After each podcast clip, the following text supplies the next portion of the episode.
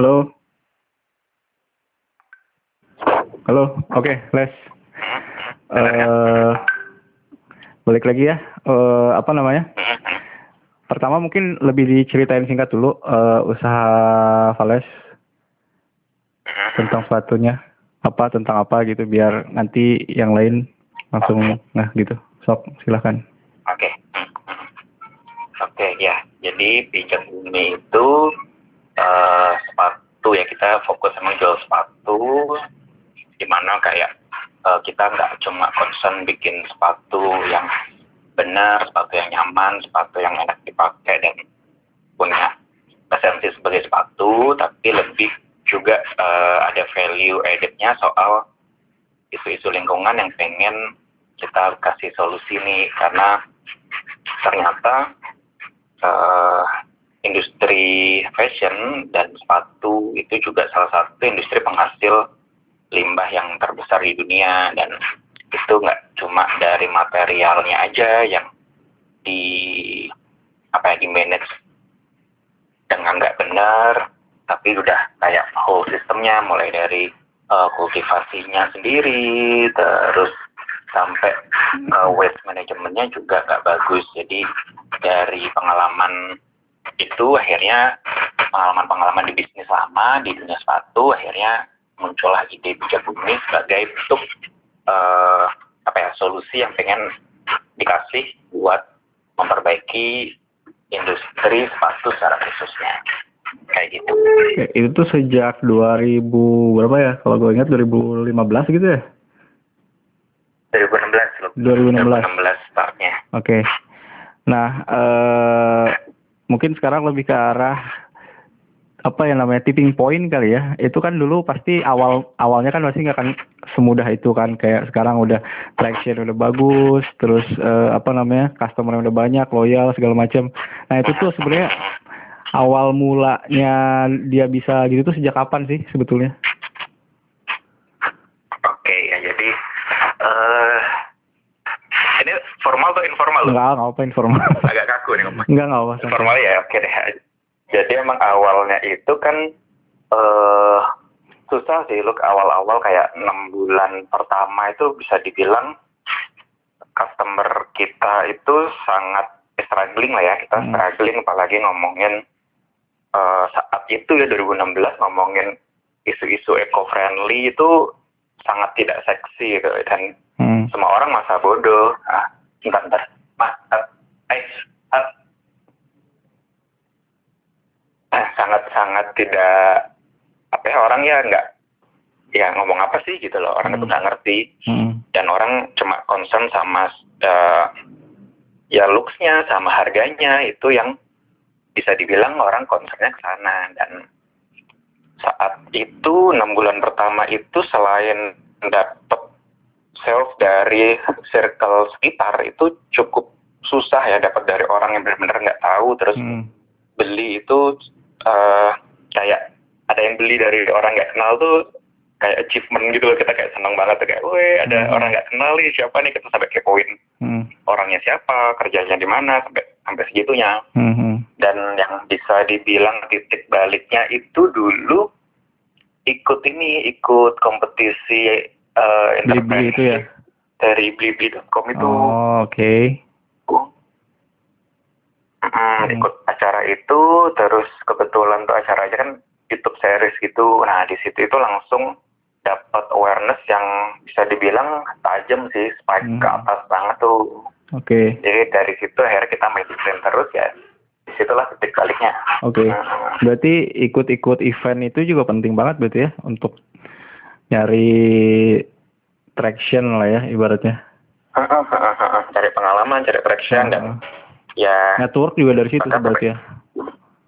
Iya itu banyak banget dapat network terutama bahkan kayak dari sesama peserta itu kayak itu udah banyak banget ilmu yang bisa kita ambil sih. Hmm. terus bisa kolaborasi bisa jadi teman curhat soal bisnis hmm. gitu gitu oke okay. uh, eh, terus uh, sistemnya gimana sih ini ke karyawan atau ke vendor atau produksi sendiri apa gimana nih sekarang? Oke, okay, jadi kita di tiga tahun pertama itu kita uh, dari nggak punya pabrik ya nggak punya workshop ya kayak bisa dibilang kita hmm. ngevendorin sampai akhirnya kita punya workshop sendiri kecil-kecilan hmm. kita ada pengrajin juga yang kita bina sampai akhirnya kita harus uh, ngevendorin lagi nih ceritanya sekarang karena ternyata ya banyak sekali uh, apa ya bikin brand sama bikin manufacture yeah. itu dua pendekatan yang sangat beda ternyata Uh. dan dan ternyata kapasitas tim pijat bumi emang kita lebih condong untuk bikin brand ya kita mm -hmm. lebih condong bikin brand dan uh, akhirnya ya daripada kita membina hmm. karyawan yang juga nggak banyak dan hasilnya juga kurang maksimal ya akhirnya kita ya udah kita partnership aja sama pabrik yang lebih gede hmm. atau di sana juga uh, para pengrajin-pengrajin di sana juga bisa kita hidupi juga ya jadi nggak hmm. serta merta harus punya uh, workshop sendiri baru kita bisa tanda kutip uh, membiayai atau membina pengrajin tapi ternyata begitu di uh, kasih ke pihak yang lebih ngerti, lebih ekspor itu bisa impactnya bisa gede sih kayak kita bisa fokus di jualannya di hmm. sana kayak bagi-bagi rezeki lah bisa dibilang gitu sih okay. lo. siap siap. Terus kalau penjualan tuh kebanyakan dari mana online atau gimana? Sejauh ini ada offline juga tapi hmm. kan?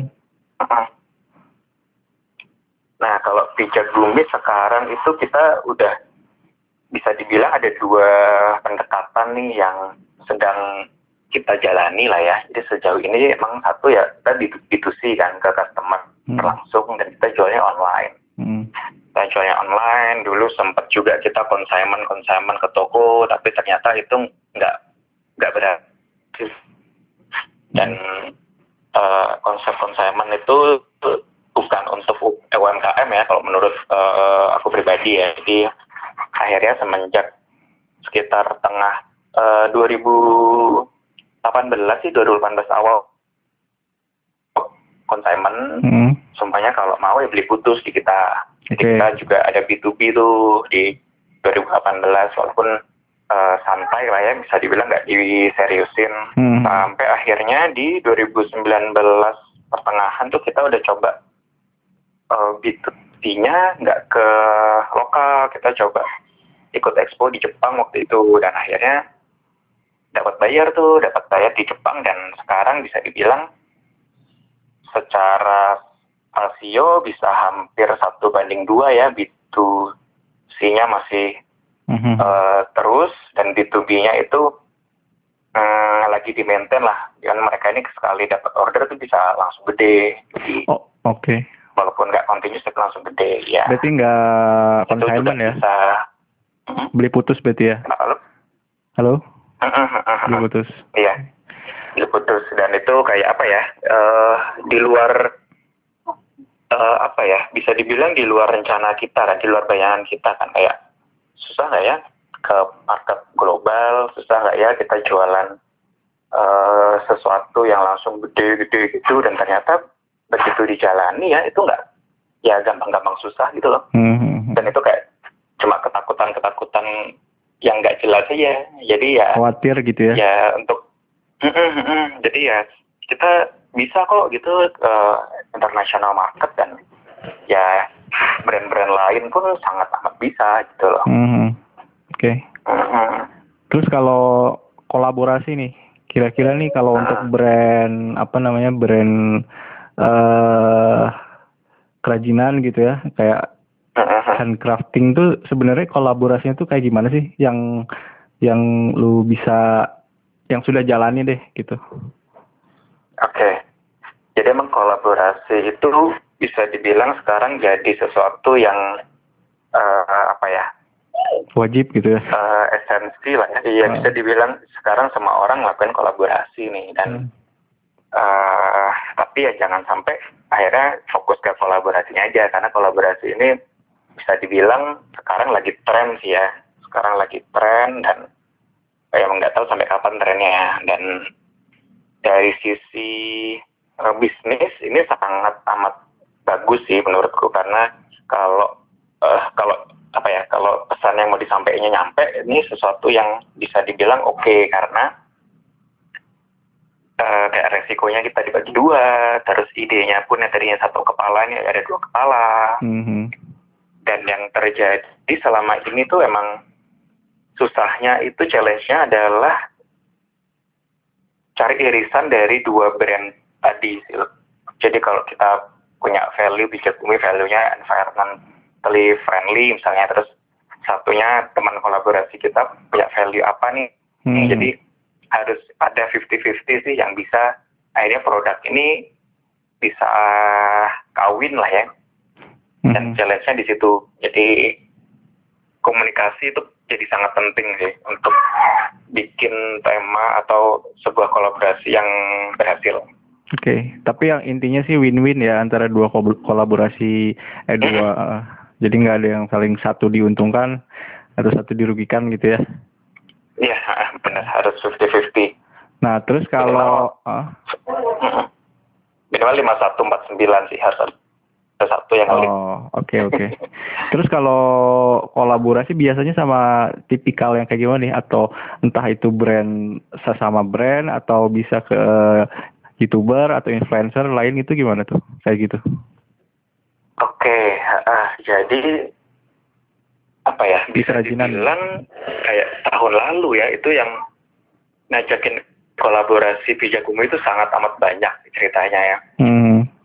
Bahkan uh, bisa disebutin brand, youtuber ada, terus uh, company yang besar yang jual obat ada, company yang ya? jual makanan juga ada itu kayak jual komunikasi juga ada ngajak kolaborasi ya kita juga uh, apa ya ya harus diperhitungkan sih menurutku jadi kalau cuma ngambil uh, anggap aja satu yang pola apa ada satu telekomunikasi gede ya ngajakin kolaborasi kayak secara market dia gede banget nih hmm. dan uh, bisa dapat apa ya masa yang cukup besar juga dari dia. Cuma apakah ini selaras sama visi misi kita terus nanti jangka panjangnya sih lebih dikonsider kayak oke okay, ini tahun ini berhasil lah. Tapi ntar dua tahun tiga tahun lagi kalau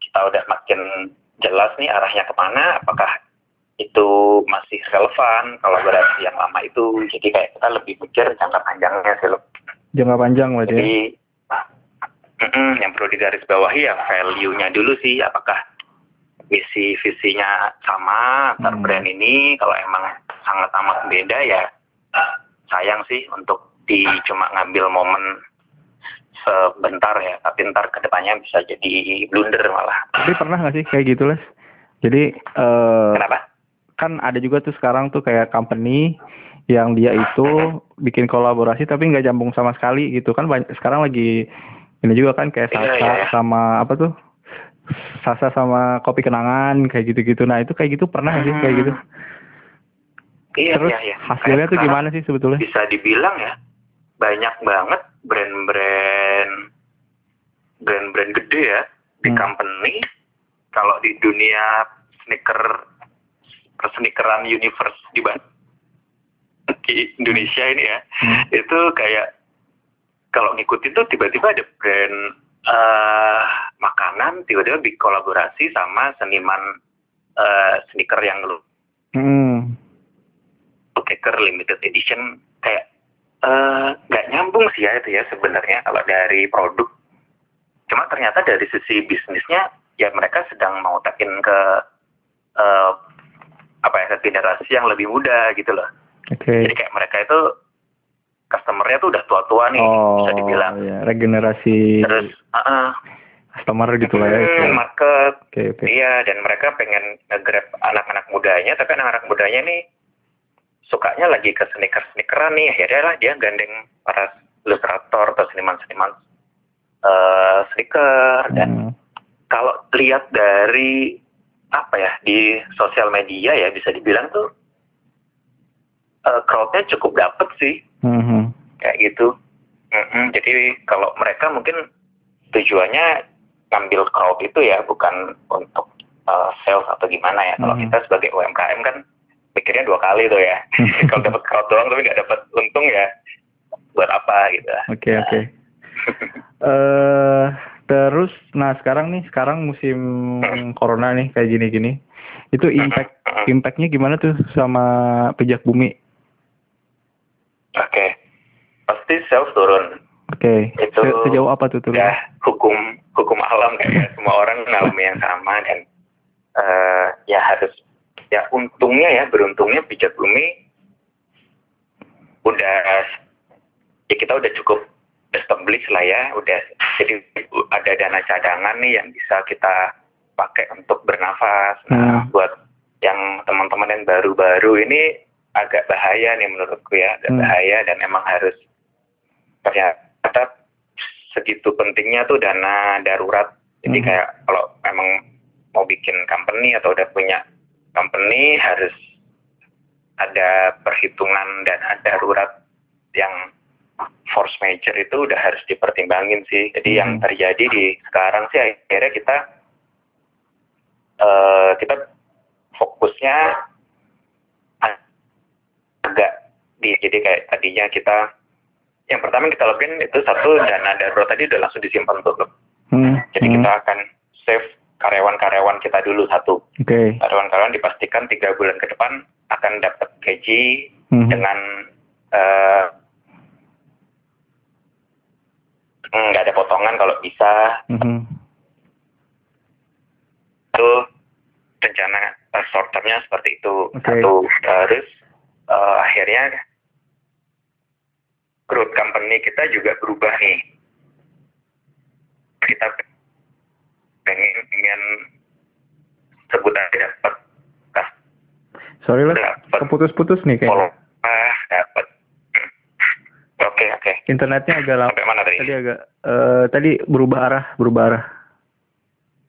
oke ya berubah arah ya tadinya Heeh.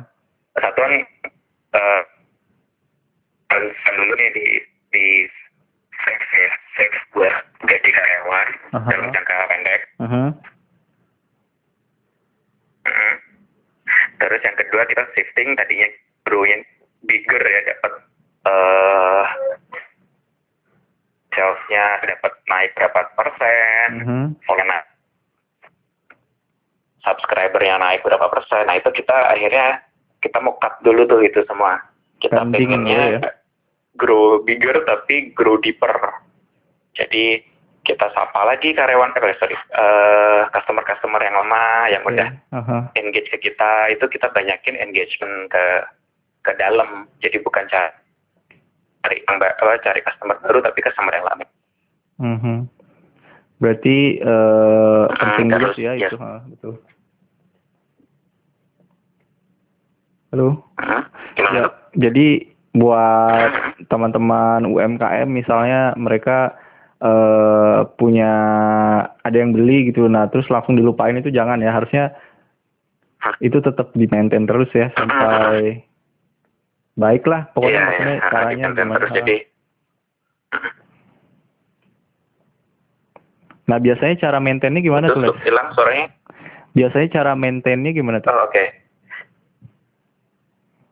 Standar sih lo kita sapa aja via DM Instagram, terus eh kita tanya-tanya aja kita kayak punya SOP kayak ya kak sekarang apa kabar, terus eh, sekarang gimana kerjaannya, gimana karena dampak corona, terus kita tanya nih, kita mau bikin konten nih buat kalian. Nah, kalian kira-kira dengan konten seperti apa ya? Kayak gitu-gitu. Oh, Oke. Sederhana itu tuh biasanya mereka excited. Ah, dan mereka malah ngasih eh, feedback itu yang di luar perkiraan kita. Hmm, hmm, hmm. Ngasih ide-ide. Ide bahkan. Hmm, hmm. Jadi nanya nanya tentang produk kita juga perlu ya buat pengembangan ya. Nggak cuma nawarin lah ibaratnya, Perlu, perlu. nawarin produk gitu. Iya, iya, iya. Terus sama ini apa namanya? eh kan Instagram tuh, Instagram itu kira-kira eh buat yang awal-awal biar dapat traction lah ibaratnya atau nggak sales deh nggak usah traction juga sales gitu walaupun mungkin kalau yang uh, kayak brand pijak bumi kan itu memang udah desainnya juga bagus terus segala macam nah kalau buat misalnya orang-orang yang dia tuh nggak punya skill desain sama sekali tapi dia punya produk lah ibaratnya nah itu itu sebetulnya memungkinkan nggak sih buat buat laku oke okay. dan gimana sih triknya? Uh, nah itu ya sekarang Oke, okay. jadi itu bisa dibilang gini sih, uh, sebenarnya jual apa pun itu bisa laku ya, asal kita tahu tempat jualnya di mana, pricingnya mm-hmm. pas ya. Mm-hmm. Uh, ilmu dasar bisnis lah ya, apa sih marketing mix gitu ya? Iya yeah, iya. Yeah. hmm, itu sebenarnya bisa aja, cuma kan sekarang udah uh, apa ya kita udah diserbu media yang begitu banyak, yeah. jadi sangat sayang sih kalau punya produk yang bagus tapi packagingnya masih belum oke okay, hmm. punya produk yang bagus tapi deliverynya belum dimaksimalin jadi ya hmm. ini malah saat yang pas sih saat-saat sekarang semua lagi slow down ya kita rapiin tuh yang gitu-gitu okay. karena ya customer bisa dibilang sekarang itu ya orang kalau beli karena sebetulnya karena rasanya enak ya hmm. karena rasanya enak itu dia bisa beli anggap aja rasanya enak sama harganya murah ya. dia akan beli di situ selama nanti nggak ada uh, tempat lain yang lebih murah atau lebih enak lagi gitu. dia akan pindah pasti oke okay. uh-huh. tapi kalau ada pendekatan emosional jadi ini rasanya enak nih dan servisnya baik nih yang jaga baik komunikasinya enak, terus di tem tempatnya juga ambience-nya enak, itu walaupun nanti ada kompetitor lain yang buka, rasanya lebih, enak, tapi nggak ngasih service yang sama, itu akan tetap ke yang lama sih. Oke, okay. berarti harus jadi, ada value jadi, yang berbeda gitu ya? jadi nggak cuma produknya juara, tapi harus ada pengalaman Cerita, emosional gitu. atau story yang juga disampaikan sampaikan. Oke. Okay. kalau aku belajar di pijak bumi sih itu sih. Story berarti ya uh, poinnya ya kalau dari pijak bumi ya. Oke. Okay. Uh -huh. uh, terus gimana nih plan ke depan? Kira-kira eh sorry sebelum plan mungkin lebih ke arah ini dulu kali ya. Uh, apa namanya uh, insight atau masukan buat para pelaku industri yang awal-awal nih harus gimana sih sebetulnya? awalnya? Oke, okay. uh, jadi awal-awal apalagi di kondisi sekarang ini pasti lebih susah ya, uh -huh. lebih susah dan kalian anggap ini sebagai privilege kalian bahwa belum mulai udah dikasih ujian nih, jadi pasti lebih strong lah ya, lebih strong daripada yang yang mulainya adem-adem aja kayak kita ini. -huh. Jadi ya ini jadi privilege, jadi mindsetnya dirubah jadi mindsetnya jangan grieving lagi tapi lebih uh, ya ini harus lebih jeli nih cari opportunity harus lebih jeli uh, bikin sesuatu yang ngasih apa ya ngasih positive vibes lah ke orang-orang karena sekarang semua orang sedang grieving ya jangan sampai kita sebagai entrepreneur juga menyajikan sesuatu yang sedih-sedih juga gitu malah mhm. sebaliknya kita harus ngasih semangat ke customer kita kasih positif uh, produktivitas kayak gitu-gitu sih. Mm-hmm. Jadi ini saat yang tepat untuk menyusun ulang yang udah tersusun mm-hmm. dan ngelakuin dan cepat-cepat dikerjain sih. Eksekusi ya. Sama mungkin Eksekusi. selama enam bulan nggak ada penjualan, ada sedikit penjualan susah ngejual juga jangan jadi patokan untuk selesai gitu ya. harus cari yeah, harus yeah. cari terus gitu ya cari opportunity terus ya yeah. ikut event segala macam kali ya pameran kayak gitu gitu ya oke oke oke bisa bisa. Dan lebih apa ya uh, ya mungkin tadinya kita stuck ngejual makanan gitu ya anggap aja ya kita mm -hmm. jual makanan. Ternyata uh, restorannya harus tutup terus lain sebagainya. Susah orang. Coba dicari di sekitarnya nih apakah uh, ada kasus sih ini lo kayak temen jual uh, dessert ya, mm-hmm. jual dessert, terus uh, sebenarnya ini bukan kasus di corona ini cuma ini sangat relevan sih. Jadi dia jual dessert dessertnya nah ini uh, sangat bisa dibilang beken lah ya. Dia di event-event anak muda yang gaul tuh selalu ikut dan antriannya panjang nih. Cuma hmm. ya growth-nya segitu-gitu aja tuh. Oke. Okay. growth-nya segitu-gitu aja. Dan akhirnya ya dia harus mau nikah dia mau selain sebagainya. Dia muter otak lah ya muter hmm. otak gini ya apa yang bisa dijual ya? Akhirnya dia jual uh, coba dia jual biang esnya. Yeah. dari dessert dia jual biang esnya doang dan uh -huh. sales sehari biang esnya sekarang tuh udah kayak sales sebulan dia jual dessert gitu. Oh iya. Jadi tuh saatnya kita lirik-lirik lagi sih. Cari opportunity ya. Cari yang dibutuhkan sih intinya itu ya betul ya. Yang dibutuhkan market tapi dengan resource yang kita punya ya jangan tiba-tiba jualan apa terus kita malah jualan apa gitu ya yeah. yang kita nggak tahu sama sekali. Nah itu yeah, mungkin agak-agak bahaya kalau kalau kayak gitu kali ya. Nah benar. Harus tetap punya skill di situ. Uh, oke okay, nah terus gimana nih untuk ke depan? Kira-kira uh, plan pandemi ini sampai kapan? Terus ke depannya setelah itu beres kamu apa lagi nih yang mau dikerjain? Kira-kira Iya, jadi ya kalau kita melihat dari negara sebelah ya, kayak di Cina udah mulai orang udah mulai belanja, mm-hmm. di Italia orang udah mulai masuk kerja kan minggu-minggu ini kan, mm-hmm. itu kayak dua negara yang paling dampaknya paling kena awal-awal kan. Mm-hmm. Terus di Jepang itu juga karena kita juga ada uh, partner di Jepang itu di Jepang itu masih slow down juga ternyata. Tapi mereka tetap tetap berputar tuh ekonominya. Jadi nggak nggak yang dampaknya nggak yang gede-gede banget ternyata di sana. Mm-hmm. jadi uh, ya pasti nanti ada saatnya di Indonesia akan seperti itu kan. Akan bounce back lagi ekonominya orang akan mulai bergairah lagi. Dan waktunya nggak tahu. Kan waktunya tidak bisa diprediksi cuma saat itu akan datang dan pas itu ekonominya bounce back yang jadi pertanyaan apakah kita siap? Eh, saat ekonomi kita naik orang mau belanja apakah produk-produknya kita udah punya produknya atau malah kita nggak ada produk buat dijual? Nah, itu sih. Oke. Okay. jadi tetap harus preparasi untuk nanti uh, bounce back. Nanti kita udah ready nih kita bisa jualan kita bisa delivery yang orang butuhin Mm-hmm. Jadi sekarang dikumpulin lah trust dari customer, dari lead, leads leads yang ada, dari potensial potensial customer ini kita ngembangin trust dulu.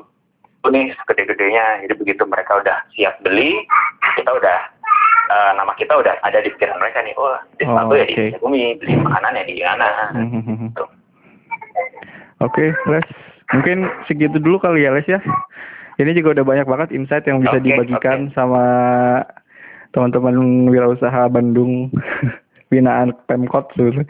Jadi sebenarnya kalau uh, binaan Pemkot nih sebenarnya ada empat sih, cuman kebanyakan yang paling laris tuh ya makanan lah ya. Kita nggak bisa apa nggak bisa bilang kerajinan, tapi kerajinan tuh emang yang paling sulit sih setelah fashion sebetulnya.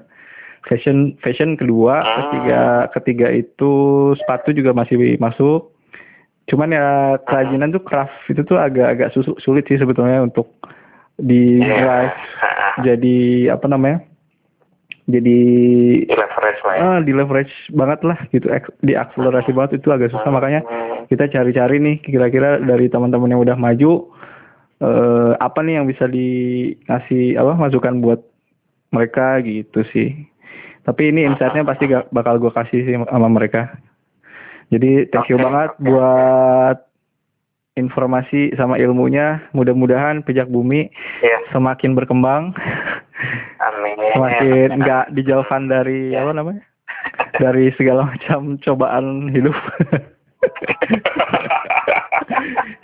iya ya. ya Semoga bisa bantu, semoga juga bisa terbantu lah dengan pasti pasti pengalaman dan bacot sedikit. Enggak lah. Ilmu dari mana aja kan ya. Iya. Yeah.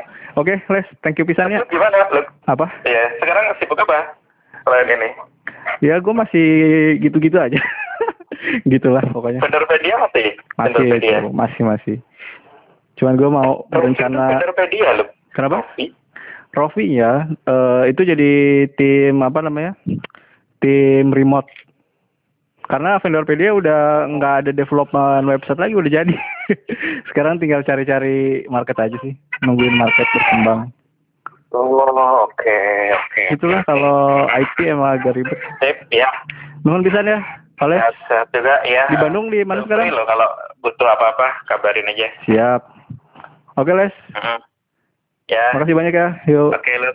Ya, thank you. Selamat puasa. ya terima kasih Ya. Thanks.